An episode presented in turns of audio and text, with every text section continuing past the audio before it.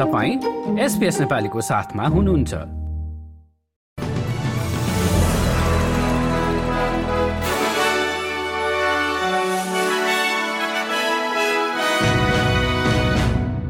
नमस्कार।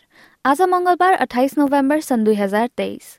अब पालो भएको छ एसपीएस नेपालीमा आजका प्रमुख अस्ट्रेलियन समाचारहरू सुन्ने। प्रसङ्ग शुरू गरौं हरित गृह ग्यासबाट। अस्ट्रेलियाले आफ्नो हरित गृह ग्यास उत्सर्जनलाई सही रूपमा मापन नगरेको अस्ट्रेलियन कम्पिटिसन एण्ड कन्ज्युमर कमिशनका पूर्व अध्यक्ष रड सिम्सले बताएका छन्। संघीय सरकारले हरित गृह ग्यास उत्सर्जनको कटौतीको प्रगति देखाउने तथ्याङ्कहरू जारी गर्न केही दिन मात्र बाँकी रहँदा हाल सुपर पावर इन्स्टिच्युटका अध्यक्ष रहेका सिम्सले अस्ट्रेलियाले कति उत्सर्जन गरिरहेको छ भनेर अनुमान मात्र गर्न सक्ने बताएका हुन्। न्यू साउथ वेल्सको सेन्ट्रल कोस्टमा रहेको वृद्ध हेरचाह गृहमा कथित यौन दुर्व्यवहारको शिकार भएको भनिए कि एक वृद्ध महिलाको करिब दुई हप्तापछि अस्पतालमा मृत्यु भएको छ। न्यू साउथ वेल्स प्रहरीले नब्बे वर्षीय महिलाको आज बिहान मृत्यु भएको पुष्टि गरेको छ।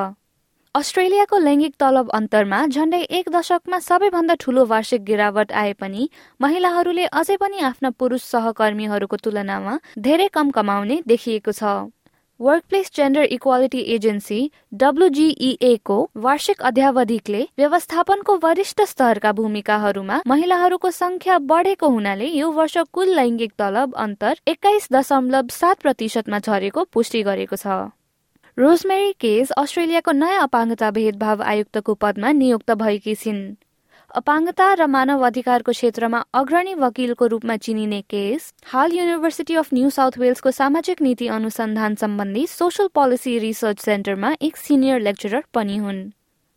अब खेलकुदमा मटेल्डासकी क्याप्टेन स्यामकरले खुट्टाको चोटका कारण ओलम्पिक च्याम्पियन क्यानाडा विरुद्धको दुई खेल नखेल्ने भएकी छिन्।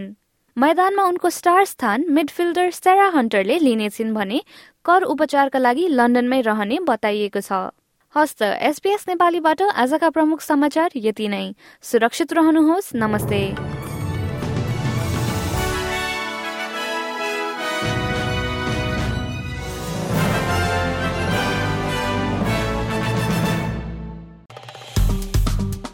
लाइक र कमेन्ट गर्नुहोस्। एसपिएस नेपालीलाई फेसबुकमा साथ दिनुहोस्।